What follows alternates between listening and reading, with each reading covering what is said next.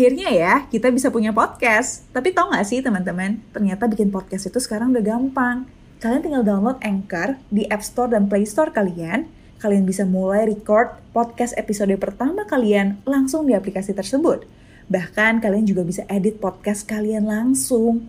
Melalui Anchor, podcast kamu akan didistribusikan ke podcast streaming platform seperti Spotify, Apple Podcast, dan lain-lain. Dan yang pasti gratis. Yuk download aplikasi Anchor di apps dan Play Store kalian atau kunjungi www.anchor.fm. Selamat bikin podcast. Hey, welcome back. Semoga belum bosan ya cerita-cerita sama aku. Hai, kabar baik di sini. Semoga di sana juga ya. Jangan lupa kalau kita masih di tengah pandemi, jadi stay at home dan vaksin kalau bisa. Kali ini aku mau ngajak kalian dengar cerita uang dari Dr. Wilson. Nah, Dr. Wilson ini dokter spesialis anestesi yang berdomisili di Denpasar. Sebenarnya dokter ini tuh agak ganteng dan humoris banget. Tapi sayangnya kalian nggak bisa lihat mukanya karena alasan confidentiality. Tapi kalian bisa dengar suaranya. Nah, Dr. Wilson ini sudah menikah, tapi istrinya saat ini sedang menempuh pendidikan dokter spesialis juga. Jadi belum punya penghasilan. Dan cenderung boros. Nah, semoga video ini lumayan relate dengan Wilson-Wilson lainnya di luar sana, atau untuk kamu yang agak beda nih prinsip keuangannya dengan pasangan kamu. Nah, seperti biasa, ayo kita kenalan lebih dekat dengan Dr. Wilson. Oke, saya spesialis 32 tahun ya, domisili dan pasar Bali. Jumlah tanggungan hmm, istri aja sih satu. Cuman sekarang karena lagi zaman COVID ya, jadi rata-rata orang-orang di Bali kena semua. Jadi bahkan orang tua juga pekerjaannya sangat terganggu. Jadi kadang-kadang juga bantu orang tua juga ya bulanan atau istri atau apalah. Lalu income sebulan saya sebagai dokter spesialis anestesi itu kira-kira sekitar rata-rata 35 juta. Lalu untuk expense-nya, expense wajib saya 20. Di dalam 20 juta itu ada cicilan nggak? Nggak ada. Berarti Mas uh, Wilson nih nggak ada utang sama sekali ya? Nggak ada, nggak ada. Yang 20 juta itu boleh, 20 juta expense itu boleh di breakdown sedikit lebih detail nggak? Biar aku tahu nih, sebenarnya 20 juta hmm. itu, hmm. itu tuh udah hemat atau itu terlalu... Bisa, bisa, bisa Gitu. Belanja bulanan itu satu sampai satu setengah. Listrik rata-rata kita di satu setengah juta per bulan. Internet empat ratus ribu sebulan. Pembantu rumah tangga ya, ya tiap hari sih kadang datang itu jadi tiga ratus ribu per bulan. Asuransi kesehatan untuk saya sama istri 2,2. Asuransi jiwa dan asuransi penyakit kritis untuk saya itu dua juta dua ratus lima puluh ribu per bulan. Lalu saya ada uang bulanan. Jadi kalau untuk saya uang bulanan itu kira-kira sekitar uang bulanan untuk istri itu di lima setengah juta, nggak boleh kurang. Lalu untuk SPP pendidikan istri itu di dia jadi 15 juta per semester. Jadi setiap bulan saya keluar dua setengah juta. Lalu untuk uh, tabungan aset tabungan di bank ada 20 ada reksadana reksadana pasar uang ada dua saya ya. Jadi yang untuk dana darurat ini ada reksadana pasar uang itu 42 juta. Ini masih di top up terus setiap bulannya. Ada lagi reksadana pasar uang lainnya 46 juta. Itu rencana untuk bayi tabung. Lalu ada juga di peer to peer lending ini rencananya peer to peer ini saya tabung untuk rencana sih untuk mobil karena istri kan nanti kalau misalnya lulus perlu juga kendaraan jadi sementara sekarang peer to peer sih ada 24 juta di saham agak agresif ya dan juga rencana saham ini untuk jangka panjang sekali ya untuk dana pensiun jadi sekitar mungkin 25 tahun lah. Jadi sekarang saham sementara 96 juta adanya. Dan top up juga setiap bulan saham. Dan juga ada juga di unit dengan asuransi saya ada 15 juta ini berupa asuransi jiwa ya, unit link di saham. Saya juga ada sedikit foreign exchange ya, forex. Dikit sih 7 juta, soalnya nggak berani terlalu ngambil resiko di sana. Tujuan keuangan saya ada pertama bayi tabung. Sebenarnya udah tercapai nih, sekitar 50 sampai 60 juta untuk bayi tabung. Nah, tapi ya karena zaman Covid gini agak susah juga, agak serem untuk program hamil termasuk faktor resiko ya kalau di Covid itu. Jadi ya kalau uang kan bisa dicari. Kalau istri susah dicari, cuma satu aja soalnya. Selain itu juga ada untuk mobil juga ada rencana untuk kendaraan istri nantinya setelah lulus spesialis. Jadi mungkin dua tahun lagi rencana bisanya harusnya ya paling nggak DP untuk mobil. Lalu untuk rumah, rumah sekarang saya sama istri masih sama orang tua saya. Cita-cita kita kan pengen punya rumah sendiri nantinya. Sebenarnya orang tua juga ada rumah, cuman masih belum begitu bagus. Jadi rencana ntar renovasi rumah. Ya, 5 sampai 10 tahun lagi lah rencana renovasi rumah 700 sampai 1 M lah nanti ya. Lalu yang paling lama adalah tujuan keuangan pensiun 25 tahun lagi itu saya sudah hitung untuk basic life kita perlu 15 juta saya sih pakai ini ya rule 4% itu itu saya perlu nest egg sebesar 14 M untuk pensiun nanti di 25 tahun Oke, okay, setelah kita udah kenal lebih dekat dengan Dr. Wilson, ayo kita dengar masalah keuangannya dia. Saya kan hmm, baru lulus spesialisnya baru sekitar, ya baru mulai kerja itu satu setengah tahun ya. Jadi lumayan lama pendidikan dokter itu sekitar umur 31 saya baru kerja untuk menjadi spesialis anestesi. Itu baru mulai menghasilkan. Sebelumnya saya nggak pernah sadar akan finansial itu saya nggak pernah gitu. Cuma karena sudah mulai mau kerja gitu kan, sudah mau dapat gaji, udah tahu gitu loh, ini duit mau dia apain ntar biar nggak sembarangan. Saya mulai belajar, baca-baca, baca buku, nonton YouTube. Nah di situ saya sudah mulai dasar duit kok. Kok dulu mungkin saya belum tahu apa-apa mungkin sama istri ya oke-oke aja ya keluar keluar keluar. Habis itu nggak ada tabungan tuh. Nabung segini aja tapi nggak tahu nabungnya buat apa. Cuman kok sekarang kan saya udah tahu ini tujuan keuangannya kayak gini loh. Kalau mau kayak gini kita harus nabung paling nggak sekian sekian.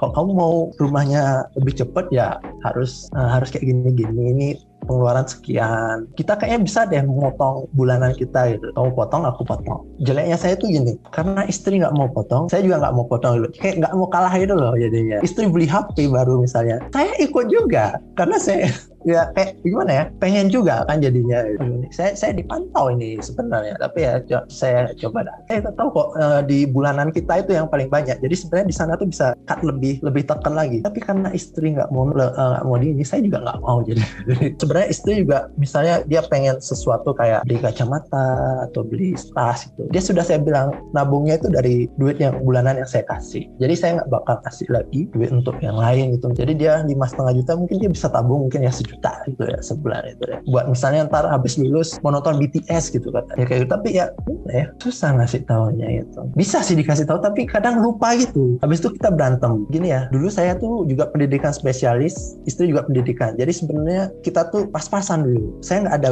duit dia nggak sih. Dia sempat dokter umum. Jadi sempat dari penghasilannya dia sebagai dokter umum aja 6 juta sebulan. Dan kita live kita survive gitu dengan 6 juta sebulan tuh oke okay, gitu. Cuman ya sekarang ya kayak gini lifestyle inflation ya. Susah dikendalikan mengendalikan inflasi lifestyle-nya itu. Cuma kalau istri inflasi, saya juga ikut inflasi jadinya gitu masalahnya. Istri ini lagi lihat ya sekarang ya? Ya lagi dipantau saya ini loh. Oke, okay, jangan kelahi aja nih abis ini. Akhirnya ya, kita bisa punya podcast. Tapi tau gak sih teman-teman, ternyata bikin podcast itu sekarang udah gampang. Kalian tinggal download Anchor di App Store dan Play Store kalian. Kalian bisa mulai record podcast episode pertama kalian langsung di aplikasi tersebut. Bahkan kalian juga bisa edit podcast kalian langsung. Melalui Anchor, podcast kamu akan didistribusikan ke podcast streaming platform seperti Spotify, Apple Podcast, dan lain-lain. Dan yang pasti gratis. Yuk download aplikasi Anchor di apps dan Play Store kalian atau kunjungi www.anchor.fm. Selamat bikin podcast! Nah, setelah mengenal dan mendengar masalah keuangan Dr. Wilson dan keluarganya, ini yang aku bilang ke dia. Mari kita rekap dulu profil keuangan Dr. Wilson. Dia punya income 35 juta per bulan, dan ini income dia semua karena istrinya belum berpenghasilan. Dan semua expense-nya dia kira-kira 20 sampai 25 juta. Artinya dia bisa nabung sekitar 10 sampai 15 juta per bulan. Dan dia nggak ada utang ataupun cicilan sama sekali. This is good. Kemudian ini adalah persebaran alokasi asetnya dia.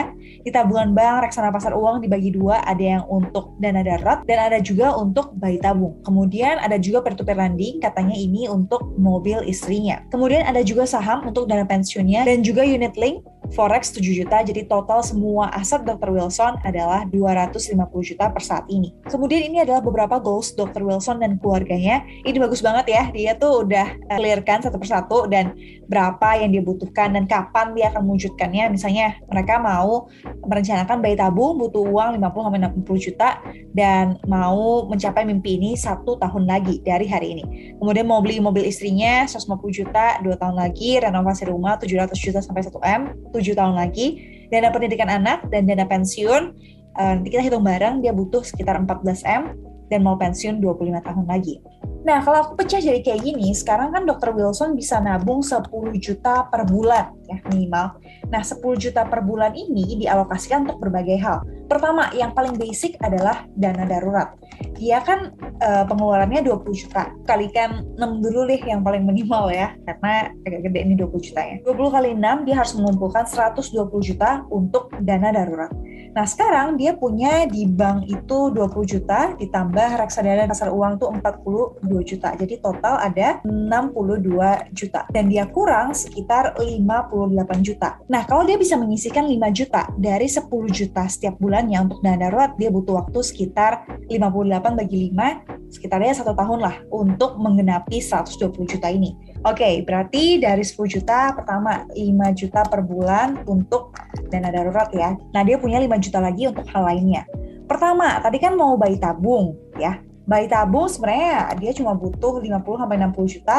Dia sudah punya di reksadana pasar uang sekitar 46 juta. Jadi aku mau bilang ini ya sudah tercapai lah ya in a way.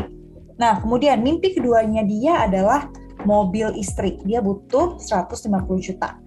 Oke, okay, untuk mobil istri ini dia akan beli dua tahun lagi, harganya kira-kira 150 juta dan dia bayarnya kredit gitu ya, 50% dan dia sekarang sudah punya uang 24 juta yang di peer-to-peer lending itu. Jadi dia butuh uang 82 juta dua tahun lagi.